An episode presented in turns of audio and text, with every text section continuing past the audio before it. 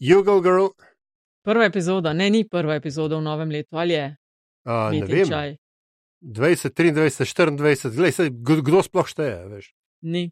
Uh, Peter Frankl je začel sezono 2024, čeprav seveda uradno sezone na Metinem čaju začenjamo v, s septembrom, tako kot šola. In to je enajsta sezona, pazi to, ali aš, enajsta sezona in enajsta epizoda. Wow, en, en, 11, 11. Mhm. Uh, in prva, in prva v, katerem, v, v kateri bova razglabljala o stvari, ki se morda pa zdaj končno bo zgodila, čeprav o njej razglabljava že 11 sezon v resnici. Ves čas, uh, vmes se seveda ni zgodilo nič, manjši popravki, govoriva o novem predlogu zakona o medijih. Namreč 31. januarja se je iztekel rok za pripombe, rok do katerega ste lahko poslali, kaj vas v predlogu moti in kako menite, da bi ga lahko izboljšali. Tako da uh, danes bova temu namenila to debato, ampak vmes pa zvedla še tudi o delovanju STA, pa notranje na STA. Še predtem pa res lepa hvala vsem, ki, ste, uh, ki nas podpirate, ki ste se odločili za. Um, Ne bom rekla na kup, ampak podpora metini listi, za kar ste v zameno dobili šalčko, ki jo je oblikoval Tomato Košer. Upam, da vam dobro služi. Tako, zdaj jih imamo pa res, ali až sam še ne parih je ostal, polje pa kjuzo tega. Ja, potem pa ne bojo več čalčke, pa ali pa ne vem, kaj drugega, vzglavnik ali pa kaj takega. Recimo, nekaj si bo treba zmisliti. Tako da eh, res lepa hvala tudi za predloge, ki jih dobivava, mava seznam in bova lepo letos tamanila po njem do konca sezone, kar bo tam šele enkrat julija. Ampak zdaj pa, tokratna gostja, Mojca Zorko, STA, šefica, um, urednica uredništva za notranjo politiko na STA. Mojca živijo. Živijo, lepo pozdravljena, pa jaz se javljam za rezerviram eno šalčko, a lahko. v redu, zmenen. Daj Zmenjeno. povej, Kaj urednica uredništva za notranjo politiko? Ja, tako se uradno Kaj reče, delaš? tako se uradno reče uh, našemu uredništvu, ki spremlja pravzaprav ne samo notranjo politiko kot tako, torej strankarske. Um, pač delovanje strank in njihove aktivnosti, ampak seveda vso dogajanje, aktualno dogajanje znotraj države, od zdravstva do izobraževanja, celotne družbe, um, skratka, en tak cel spektr sociale, vse, kar zadeva, bom rekla, nas državljane na dnevni bazi znotraj naše države. Lej, te bo vprašala še kaj okoli tega, um, kako zabavno je tedni biti urednica na notranji ob res zanimivem, bom rekla, dogajanju na notranji politični sceni v Sloveniji, ampak uh, metine čaje zalažen vedno začneva tako, da gosta oziroma gostjo pobarva, da se mal predstavi, da vejo tisti, ki poslušajo, odkje prihaja, kaj dela, kaj počne. Če se sam na kratko predstaviš ta tvoja, recimo temu, medijska biografija, ker vem, da bo pripeljala tudi do kaosa. Ja, res je. Um, ja, jaz sem začela delati v medijih eh, še pred uh, svojo univerzitetno novinarsko diplomo, uh, ta pravo, ne izmišljeno. Um, in sem začela delati najprej na enem lokalnem radiju, na Zelenem valu, potem sem pa v bistvu v uh, času zaključka študija nekako žonglirala med uh, študentskimi deli v medijih, um, ne vem, od asistentke režije na Pop TV, um, do seveda tudi na, dela na Radiu Kaos, kjer je bil Aljaš moj šef takrat. In, Hmm. uh, moram reči, šef? Ja, dober šef je bil. Moram reči, da sem se zelo veliko naučila od njega in uh, tudi tako, no, lepi časi so bili, se mi zdi, da smo se imeli fajn. A se strinjaš, Aljaš? Jaz se čist strinjam in uh, brez tebe, potem ko si ti šla, so stvari, uh, je bilo težje to furati, tako da sem se tudi jaz veliko naučil od tebe, čistko. No, hvala lepa. Um, man, jaz mislim, da uh, je treba tudi še eno stvar povedati, no, uh, da je pravzaprav Aljaš v resnici bil takrat pionir podkastov, ko se beseda sploh še ni uporabljala. Ne? Ker Mhm. uh, mi smo takrat uh, dajali že na splet vse posnete oddaje, pogovore in tako, kar zdaj delajo veliki. Tako da sem prav razmišljala o tem, da dejansko si takrat oral ledino, ne? čeprav nisi vedel, da se bo potem to razmahnilo v vse te podkaste. Ne? Ja, lej, A, ja, dobri, dobri stari časi, tako, tako, zdaj se, tako. Naj si obrišem sozo in gremo naprej. No, drugač pa ja, jaz sem pol eh, takrat istočasno začela že delati na časopisu Dnevnik in sem tam ostala približno 8 let. Eh, delala najprej kot dopisnica za Ljubljano in Ljubljano, pozneje pa potem kot notranje politična novinarka. Vmes tudi kot urednica dopisništva, tako da sem tam nabirala tudi svoje prve uredniške izkušnje. No, in s temi sem potem prišla leta 2011 na uh, eh, STA, na mesto urednice notranje političnega uredništva, kot uh, že prej povedano, in uh, delam, vsaj po mojem mnenju, z eno najboljših novinarskih ekip, ki jih um, jo tudi zdaj lepo pozdravljam no, na tem mestu, ker zelo trdno, uh, trdo delajo, ko se jaz z vama pogovarjam. No. Um, tako da uh, sem pa aktivna zdaj, zdaj pač že več let tudi v društvu novinarjev. Um, bila sem na zadnji skupščini znova imenovana v upravni odbor in v tem tretjem mandatu so me kolegice in kolega izvolili tudi za podpredsednico društva. Um, tako da bila sem tudi aktivna v tej bitki za obstanek STA, uh, zdaj se pa posvečam v društvu zlasti torej najaktualnejšemu predlogu zakona o medijih, kar me je torej pripeljalo do gostovanje v metinem čaju. Med drugim, eh, se pravi, tudi uh, gospa Mojca Zorko mal tudi želi biti funkcionarka. Ma ne, v resnici. V resnici, ja, no. v resnici res ne, samo um, se mi pa zdi, da včasih je kakšne stvari treba pač, um, pač nekdo jih mora narediti, veš pa pa. Ne, sej to ni nič bilo uh, kot kritika ali kaj slabšalnega mišljeno. Pač točno to. Uh, veliko govorimo, ampak na koncu, če se želi kaj narediti, je treba odstopiti, pa prevzeti funkcije. Ja, dela je res veliko. No? Uh, in predvsem pač na tem novinarskem področju smo bolj ali manj vsi. Eh, prostovoljci, razen dveh deklet, ki jih imamo na društvu in brez katerih pravzaprav to društvo res uh, ne bi obstajalo in ne bi delalo tako, kot dela. Tako da Anastazija in Špela sta res super, super fajn. Uh, in tudi uh, zelo veliko delo je bilo tukaj zdaj upravljeno, tudi kar se zakona tiče uh, na špeljini strani. Ravno to smo ugotavljali, kako nujno potrebujemo v bistvu ljudi, ki so stalno zraven, ker imajo tudi ta ne, zgodovinski mhm. spomin, mm -hmm. kako, so, kako se je ta recimo konkretno v tem primeru zakonodaja sprejemala in kakšni predlogi so se oblikovali tudi že v zgodovini. Tako da, um, ja, no, pač to je neka. Uh, bom rekla, kombinacija ljudi, ki uh, res so strokovnjaki na tem področju in nas drugih, ki te stvari predvsem v praksi uporabljamo. No. Um, obstoji, zaenkrat, če obstoječi medijski zakon je, sicer z manjšimi popravki, ne star, kaj, 20 let, še nekaj več? Ja, iz 2-1, mislim, da je. Ne? Iz 2-1. Uh, in je um, dolgo, v, v bistvu celotna.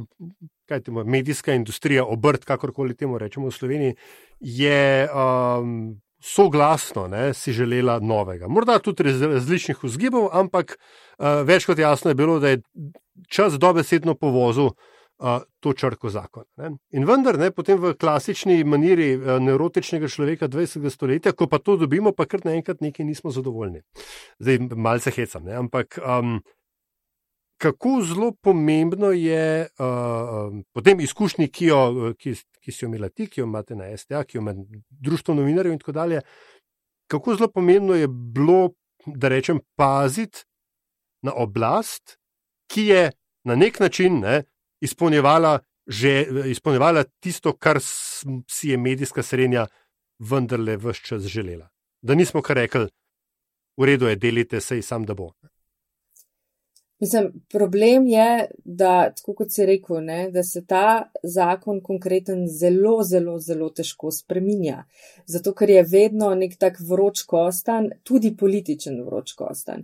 In uh, prejšnje koalicije niso imele ali politične moči ali politične volje, da bi zadevo speljale do konca. In uh, to odlašanje nas je pravzaprav pripeljalo do stanja, v katerem smo zdaj ko um, imamo mediji res številne izzive in mnogi celo eksistencialne. Uh, torej, pač, če Eh, nekako potegnemo črto, gre za to, da če želimo imeti čez 20 let še neke izvorne novinarske osebine v slovenskem jeziku, kakovostne novinarske osebine, eh, potem je treba narediti ta zakon na način, da bo to omogočal. Zdaj, cilji eh, nekako zajeti ali pa deklarirani v tem zakonu oziroma v gradivu so seveda pravi um, torej zagotavljati celovito obveščenost ljudi, uh, pluralizem, uh, slediti pač uh, vsem tem postulatom, ki so nekako dojemani kot javni interes na področju medijev. Ampak, če uh, ne bojo dobro zapisani členi zakona, uh, če se bojo um, Eh, lahko določene določbe ali brale nejasno in se potem lahko zaradi tega tudi zlorabljale, ne? Eh, potem se bojim, da ti cilji eh, in ti nameni, če tudi so lahko dobri, ne bodo doseženi. In zato se nam je zdelo pomembno, da ta zakon dobro preberemo. Seveda smo ga brali, nažalost, skozi oči nekoga, ki je bil že veliko krat um, predmet zlorab, Brali smo ga na način, da smo si predstavljali najslabše, kar se lahko zgodi ob teh določbah zakona. Uh, to je pravzaprav grozno, če na ta način pomislimo, da, kam nas je to pripeljalo. Um, ampak žal tako je. In, in ja, brali smo ga skozi te oči in zato smo tudi podali kar nekaj pripomb uh, in predlogov, ne na zadnje tudi v luči konstruktivnosti, ker ne moreš se potem buniti, če, če nisi sam Eh, pravočasno, ko si k temu pozvan, podal kakšnih pripomb pa predlogov. Ne? Uh, tako kot si rekla, ta vlada je prva po dolgih letih, ki uh, ima potencialno takšno moč, da dejansko lahko kaj tukaj naredi. Predlog je v obravnavi in tudi uh, zato je bil ta, to obdobje za pripombe, da se vidi, kje bi se ga lahko izboljšali. Zdaj pa vi ste ga, tako kot si rekla, natančno prebrali. Um, in kar nekaj, kaj na 20 plus straneh podal pripombe. Um, kakšen se vam zdi, tako v generalu, pripravljen predlog? Dober, slab, prav dober, odličen. Ja, zdaj tako, uh, ta odgovor ni tako enoznačen, da bi mu dali kar uh, neko oceno, no vsaj jaz si tega ne bi upala. Uh, Torej, še enkrat, sigurno nov zakon potrebujemo, nujno ga potrebujemo, ker obstoječi, kot smo ugotavljali, ne naslavlja uh, ne aktualnih, še manj pa prihodnih izzivov medijev, ne tehnoloških, ne osebinskih, ne ekonomskih. Um, so, notri so recimo dobre stvari, uh, širi se na nek način definicija medija z tega vidika, da um, je tehnološko neutralna, kar je skoraj nujno. Uh, dotika se tudi že umetne inteligence, kar je tudi nujno. Um, so neke stvari, ki predstavljajo nek napredek. Um, so pa tudi neke stvari, ki jih pogrešamo v tem zakonu, uh, zlasti gre naš največji učitek temu zakonu, da ne uh, prinaša uh, bistveno večje podpore um, medijskemu pač uh, medijski krajini oziroma konkretno novinarjem in novinarskim osebinam. In na tem delu smo pa res podali, ker um, bom rekla, konceptualno pravzaprav drugačen predlog. Torej ne samo uh, neke tehnične spremembe ali pa uh, predloge v smislu večje jasnosti določb, ampak um, povsem uh, spremembo koncepta uh, pomoči. Uh, mogoče ravno to, ker to je bila ena od. Um kaj tu, skoraj izvornih grehov.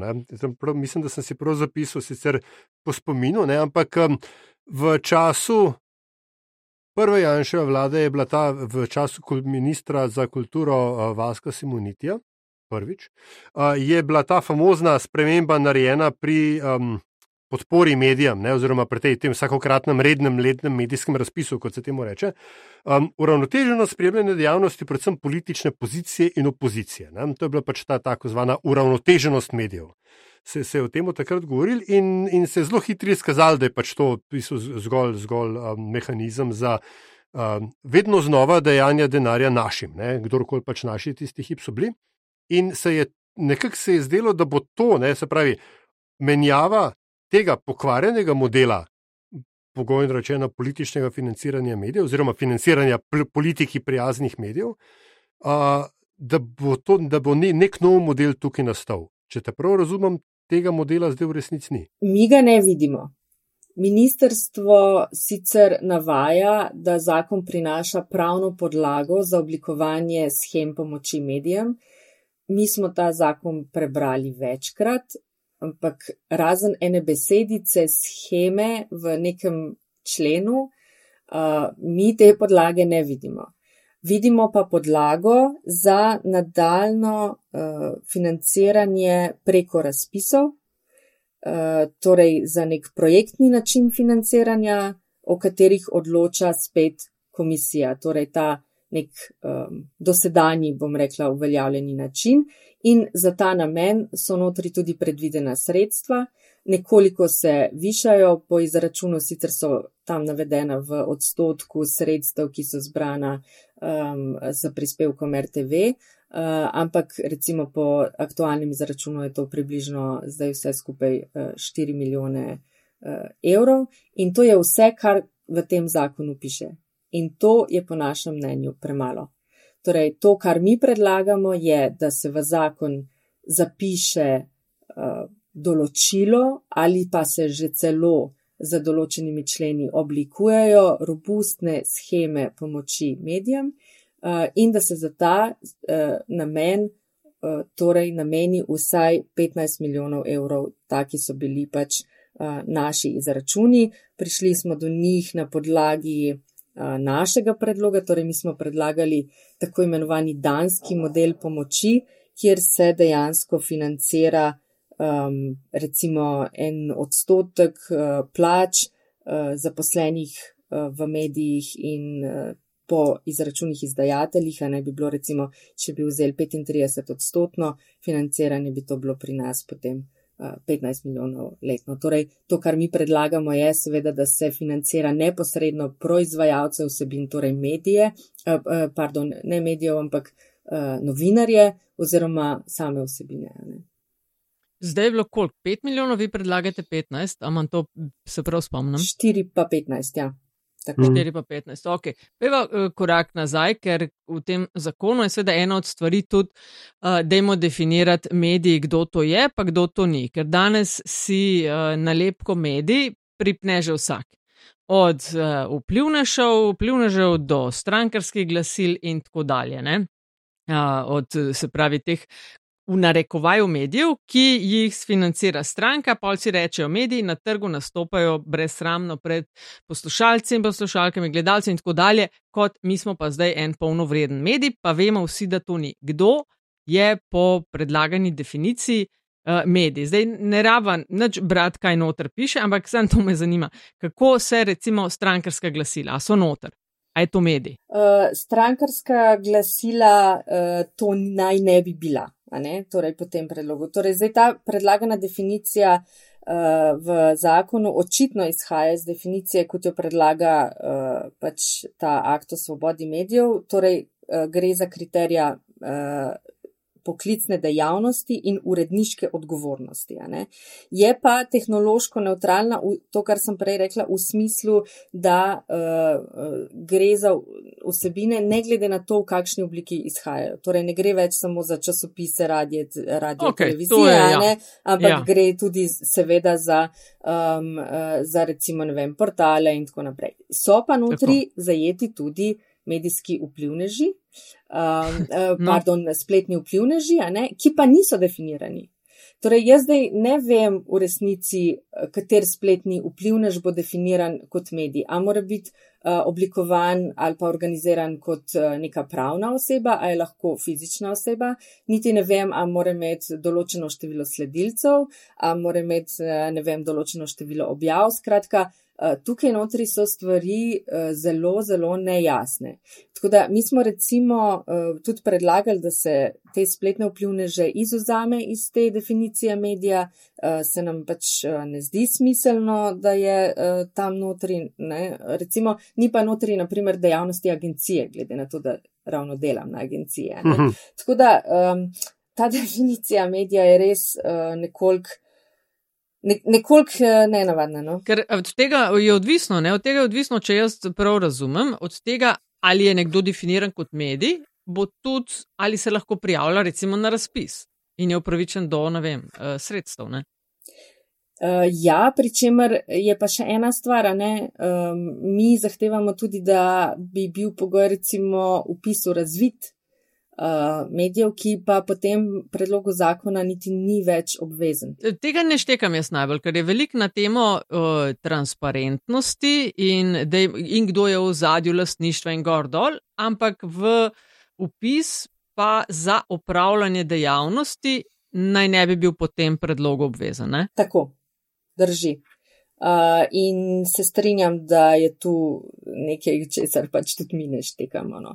Uh, pač uh, nam se zdi, da če želimo uh, to transparentnost pripeljati, recimo tako kot pravijo na ministrstvu, ne, na nivo nekega uh, medijskega erarja in da bodo tam uh, res razvidni uh, vsi ključni podatki, ki jih potrebuje nekdo, ko spremlja mediji, tudi z vidika uh, verodostojnosti ne, in preverjanja, pač, bom rekla, kakšnih konfliktov interesov in tako naprej, potem pač morajo biti mediji pri, nekako primorani, da se uh, upišejo v ta razvid. No. Tako da mi, mi sigurno predlagamo, da bi tukaj bila nekoliko bolj, uh, bolj jasna določba, tudi kar se tega tiče. No. Ker nas pripelje še do nečesa drugega, ne? če imamo po eni strani. Um... Tak zakon, ki je sam sebi v upregi, kot ste ravno kar uh, opisali, ne? imamo pa sem, um, sem enkrat za spremembo, se pripravil na, na, na, na, na, na to epizodo in prebral pripombe, ki ste jih poslali v okviru javne obravnave, ste se zelo spotaknili v oblikovanje nečesa, čemu se reče nacionalni svet za medije. Zdaj, tisti, ki delamo na radijih ali pa televizijah, se seveda poznamo ne, tako zvani SRDIF ali pa SRDF, svet za radiodifuzijo. Ki je ta magična ustanova, ki je Kobajagi imela vedrila in oblačila na tem, kdo je dobil kakšno frekvenco, čeprav na koncu tako vse to bole oblak. Ne? Ampak eh, to je bilo vsaj včasih, ko sem se še s tem ukvarjal z frekvencami. Ampak eh, ta svet se zdaj ukinja po predlogu tega zakona in se ustvarja nekaj, čemu se reče nacionalni svet za medije. Ki pa vas, če prav razumem, je naredil ta predlog tako nervozen, da ste predlagali kar črtanje vseh teh treh členov, ki ga določajo. Čemu?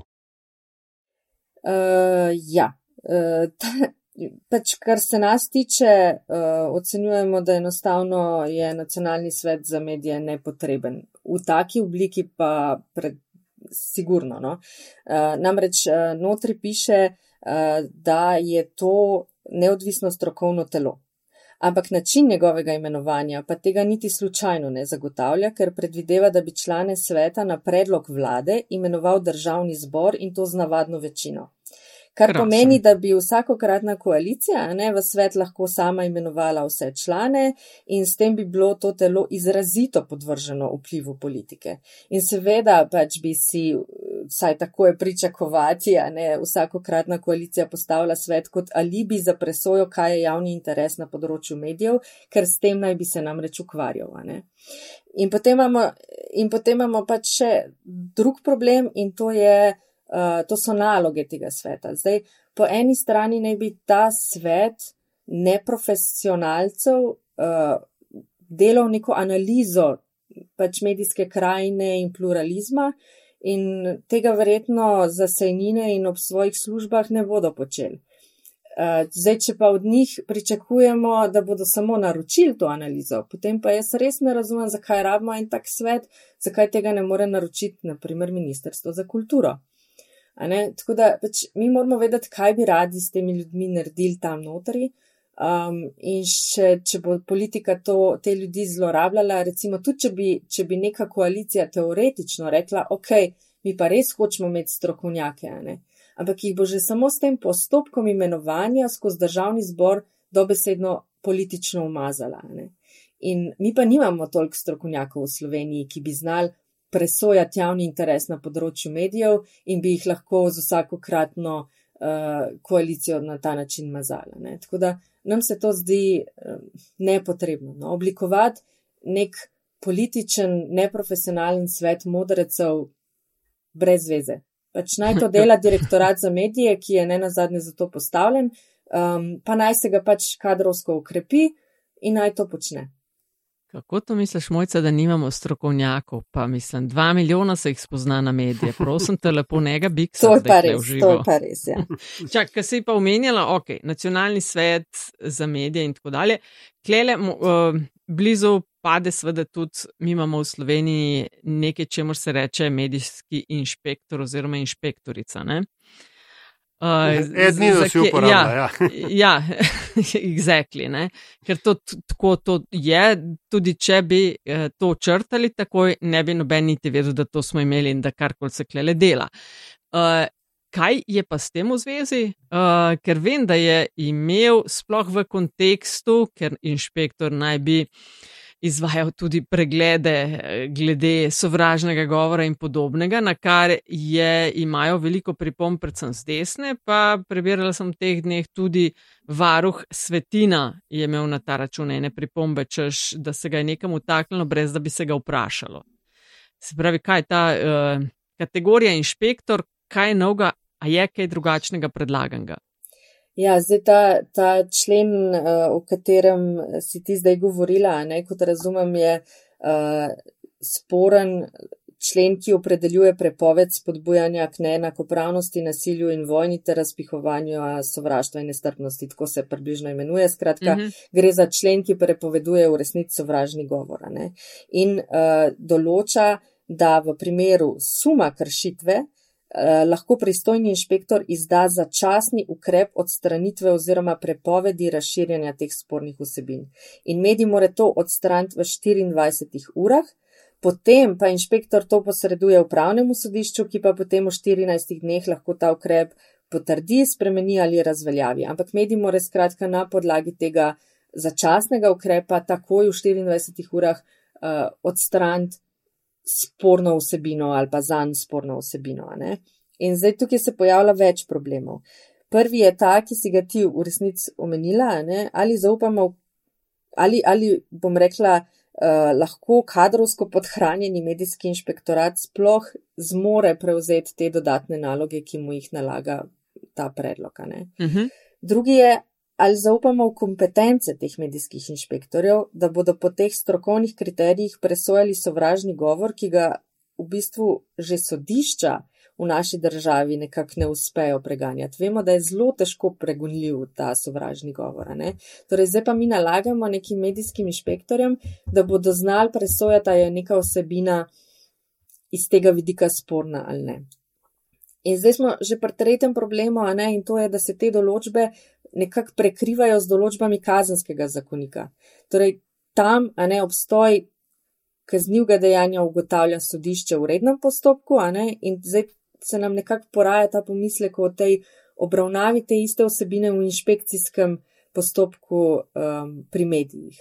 In kaj se zgodi, recimo, če bo um, na teh različnih nivojih prišlo do drugačne presoje. Torej, tam bo recimo sodišče reklo, da ni sovražni govor, tu pa bo inšpektor uh, in potem upravno sodišče ugotovilo, da je sovražni govor. Um, zdaj, kar se tiče pa varuha, um, tudi mi smo izrazili ta pomislek, namreč uh, predlog uh, predvideva posvetovanja z določenimi organizacijami, tudi z reprezentativnimi novinarskimi organizacijami. Zdaj, mi stojimo na stališču, da novinarske organizacije ki zastopamo interese novinarjev, ne moramo biti pristojne za sodelovanje pri preganjanju novinarjev, če smo že pri tem. Um, odgovornost za te odločitve bo pač moral prevzeti prekrškovni organ, ne na zadnje, zaradi že prej tudi uh, omenjenih kadrovskih in tudi finančnih virov, mi sploh ne moramo zagotavljati potrebne hitrosti v odzivanju na, na take zahteve po posvetovanju. In jaz um, mislim, da je tudi, tudi uh, varuh imel verjetno zdržek. Tako da, ja, pač um, ta člen. Inšpektorja ma... oziroma inšpektorico bi še vedno imeli. Ja. Mm, mislim, to, pač inšpektorat, ja. inšpektorat, ja, ja. mislim, inšpektorat sigurno ostaja, ne, uh, zdaj ampak pač na ta način, zdaj ali ga bo treba zelo, zelo ukrepiti.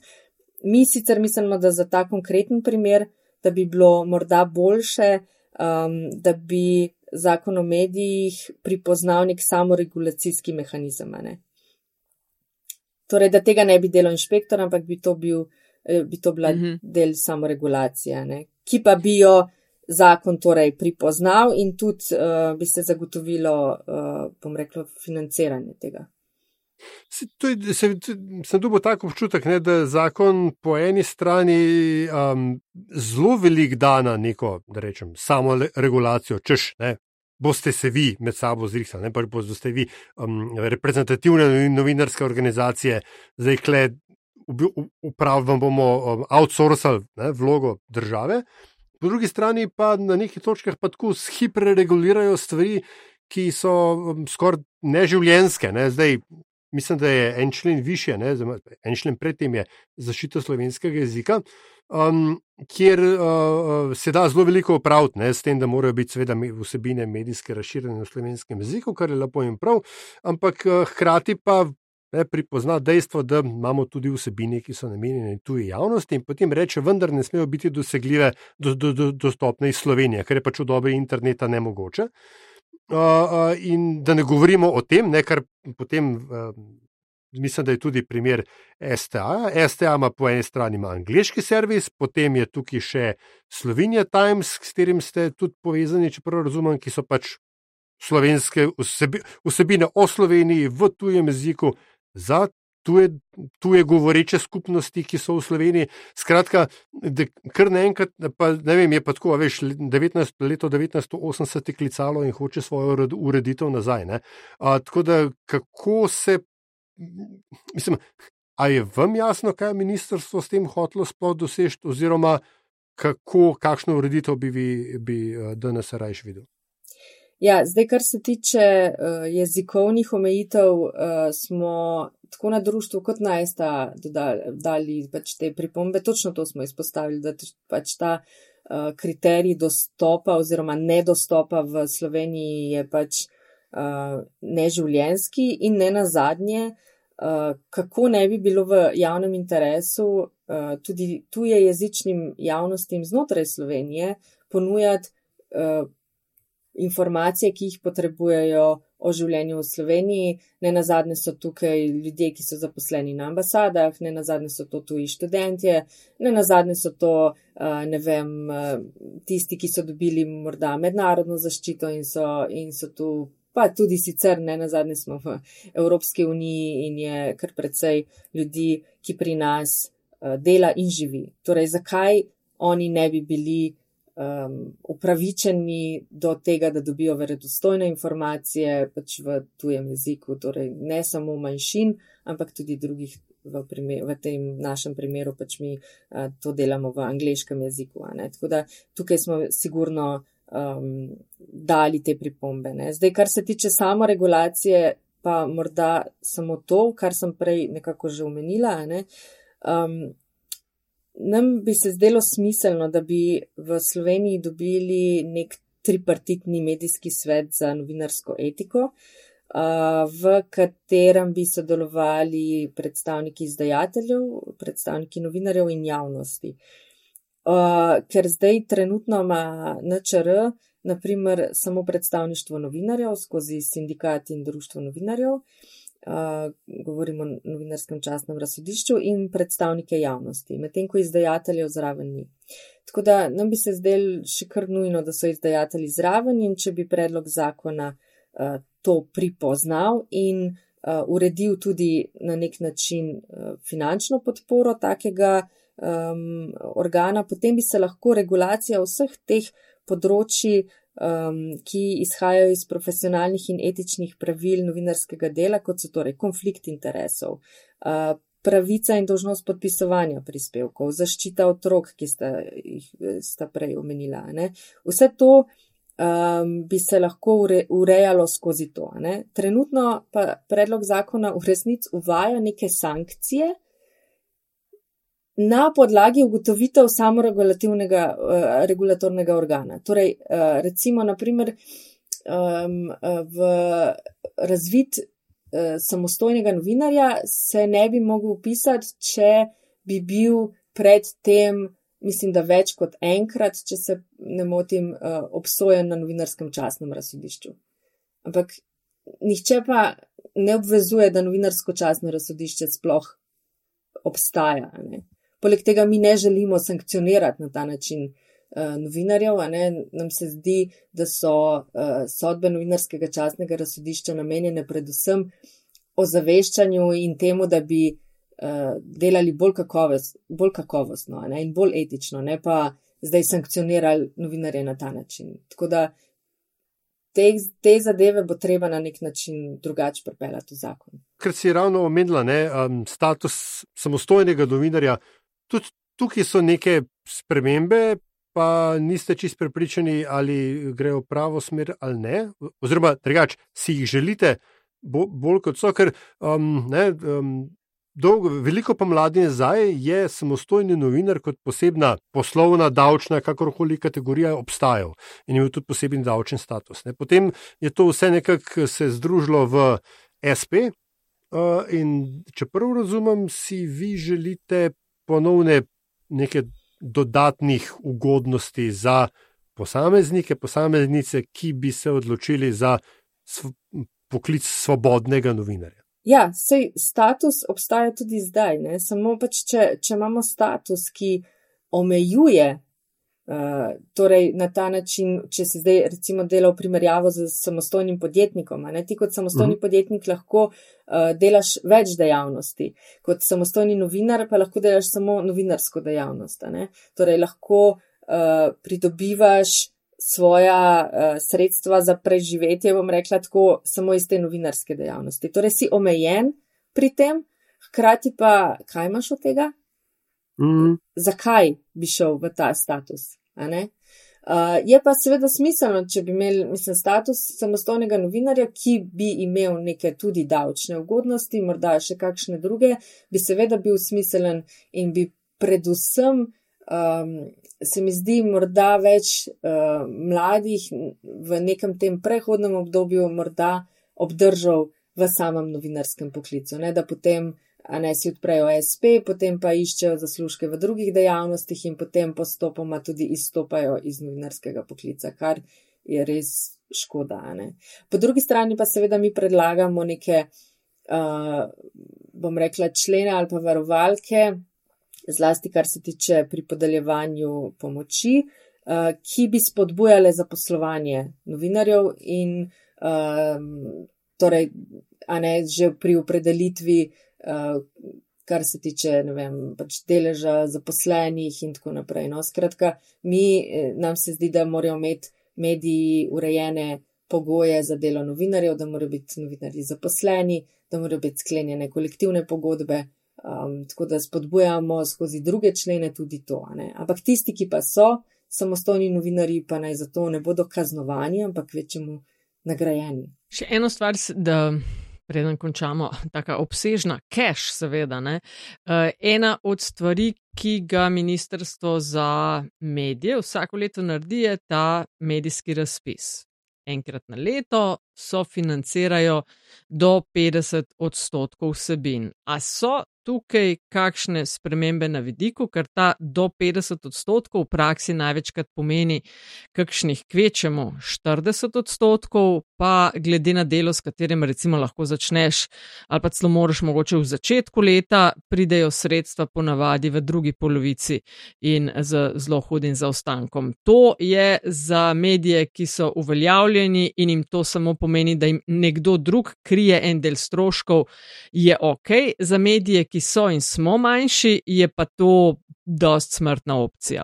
A so tukaj na vidiku kakšne spremembe? Zdaj, zdaj smo spet nazaj pri tem, ne, da je problem ja. že v tem, da vse, kar zakon predvideva, je uh, podeljevanje teh uh, pomoči prek razpisov in da gre samo za te 4 milijone evrov. In ko se pogovarjamo o dejanskih prejemnikih sredstev, to seveda večinoma govori uh, o tem, da dobi vsak ne vem, nekaj deset tisoč evrov. Uh, za nek cel projekt ali pa na, na leto, kar, kar res ni veliko, in še najmanj pa je to kakršna koli sistematična pomoč medijem. Torej, še enkrat, mi menimo, da je treba v zakon uh, upeljati scheme za pomoč uh, medijem, uh, tudi opredeliti, kaj se financira, na kakšen način se financira, višino financiranja, torej scheme mora na nek način opredeliti zakon ali pa morajo biti zakonu tudi vsaj priložene. In potem podobne scheme razviti tudi za programe posebnega pomena, pa mogoče za posebne specifične scheme, za manjše preiskovalne, zagonske projekte. Skratka, opredeliti neko neprojektno, večletno, pomembno, večletno financiranje te medijske produkcije, ki je tudi uh, sistemsko in nediskriminatorno. Torej, na podlagi nekih jasnih kriterijev lahko potem vsi uh, pristopajo in sodelujejo v teh uh, schemah. Poudarila si nediskriminatorno. Ta film bi rada videla, zaradi tega, ker se mi zdi, da so vedno pripombe ali z ene ali z druge strani, odvisno od tega, kdo tala denar. Ja, zato je pa treba dobre kriterije določiti. Ne? Zdaj, kako? Uh, verjetno je to težka naloga, se strinjam, ampak um, nikoli pa ne bojo vsi zadovoljni. Hmm ko, ker nas počasi v bistvu pripelje do ključnega vprašanja. Ne? Zdaj, um, STA, pa Društvo Nero, pa tako dalje, sta bila zgolj dva od uh, precej številnih, uh, Nataša, pripravi denarnico, deležnikov, um, mm. z, ki so bili pač vključeni, ne, oziroma ali pa ima, imate, imamo kakorkoli mnenja o tem zakonu, eh, recimo, kaj se tem reče, koordinacija katoliških medijev pri slovenski škofovski konferenci, se je spotaknila najbolj ob 34. člen, ne ta sovražni govor in, in tako dalje. Skratka, ključno vprašanje je, pa mogoče niti ni zate, mojca, ampak vendarle, ker te že imamo tu, po tvoji oceni, kako zelo dojemljivo je ministrstvo in pripravljalci zakona za te pripombe, ki so nastale, ki so se pojavile v javni razpravi.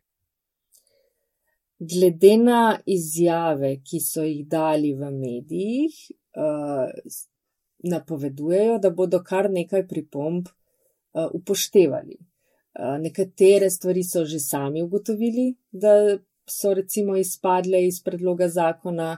Uh, slišala sem, da nimo tudi že uh, uh, Lenar Takučiča, ki je rekel, da je treba stvari posodobiti tudi pri določbah glede umetne inteligence in tako naprej. Tako da jaz um, jih držim za besedo, da bodo uh, tem pripombam uh, prisluhnili in da bodo pač vsaj določen del njih nekako upeljali v ta, v ta zakon. Zdaj, koliko bo pa politične volje, da to speljajo, to je pa druga zgodba. ok. Uh, remains to be seen, čistko, uh, kakšen naj bi bil kronološki scenosled, ki sledi temu, zdaj pač 31. januarja se je zaključil rok za pripombe. Uh, Maš mogoče v glavi, kaj, kaj sledi, kdaj sledi? Ja, zdaj morajo oni te pripombe pregledati. Uh, nisem prepričana, če so pre, si predstavljali, koliko jih bodo dobili. Tako da mi smo jim dali zdaj kar precej dela, um, se upravičujemo, ampak tako, tako je bilo treba. Za vse ne všeč. Tako da, ja, tako da recimo, da jim damo še kakšen teden več, kot so si sami zamislili. Um, ja, če sem jaz prav razumela predstavnike um, ministerstva, bi oni radi zdaj do pomladi nekako to pripravili, pregledali in pripravili posodobljen predlog, in potem mora iti pač seveda še čez vladno proceduro in potem čez parlament. Jaz osebno ob poznavanju postopkov ne pričakujem, da bi to lahko bilo zelo prej kot pred novim letom ali pa tam nekje v, v, zadnji, v zadnjem tromesečju. No. Lahko pa da me presenetijo. Um, najlepša hvala, mojca, za to razlago. Hvala vam vsem na DNS-ju, ki ste se lotili tega, tako kaj treba, pregledali in podali pripombe. Uh, zdaj pa, ker si seveda gostja metinega čaja, nas to pripelje do čisto zadnje točke, to pa je, ko te vprašamo po zanimivosti, ki si jo pripravili in jo nameravaš deliti z našim občinstvom. Izvoli, odar je tvoj. Ja, hvala za to priložnost. Uh, jaz jo bom izkoristila danes zato, da vse lepo povabim, zlasti novinarke in novinarje, da obiščejo spletno stran društva novinar.com, um, kjer uh, najdejo med drugim tudi platformo prijavi napad, torej če so tarče um, bom rekla, ali verbalnih napadov ali pritiskov in tako naprej, jih uh, res vabimo, da te zadeve prijavljajo, ker je treba o tem veliko govoriti. Um, druga stvar, ki pa se mi zdi tudi nujna, eh, je pa naša baza znanja, kjer se najdejo tudi smernice, med njimi tudi recimo smernice za poročanje o otrocih, uh, ki pač uh, so nekaj, kar je nastalo iz te naše samoregulacije. Um, tako da tam notri najdete veliko koristnih zadev in se mi zdi to nujno zaradi tega, ker se um, mediji ne posvečajo več dovolj izobraževanju zlasti mladih novinarjev in morda marsikdo niti ne ve, kaj vse tam uh, je na voljo, tako da vabljeni, da pridete. Um, na obisk uh, in se seveda tudi učlanite, če še niste člani, ker to bo pa tudi pomembno, ker ta predlog zakona ne govori tudi o reprezentativnih novinarskih organizacijah in če bo to uzakonjeno, seveda bo še kako pomembno, da imamo uh, reprezentativne organizacije, uh, močno članstvo. Um, tako da to. Um, bi pa morda ob koncu samo še uh, lepo pozdravila našega predsednika društva, Gašparja Andrinka. Namreč uh, prej si rekla, da, ne, zaradi, da, da hočem biti mal funkcionarka, v resnici ne. Uh, Gašpar se ta trenutek ukvarja z svojim največjim življenjskim izzivom, ker je namreč postal očka, tako da ga lepo pozdravljam in mu maham. O, pozdravljamo tudi iz petnega čaja, evo, čestitke. Čestitke. A, Mojca Zorko, STA, Društvo novinarjev Slovenije, najlepša hvala za tvoj čas, za čas, ki ste ga vi vsi namenili, da ste šli skozi predlog zakona o medijih in a, ne, v upanju, da bo iz tega izšlo nekaj, kar bo uporabno, ampak vendarle tudi dojemljivo za spremembe preko naslednjih 25 letih. Hvala za povabilo. Mojca, hvala, da si bila najna gostja in preloživa seveda zalažen tudi linke na projekte, o katerih je govorila, prijavi napad, baza znanja. Hvala lepa in do naslednjič.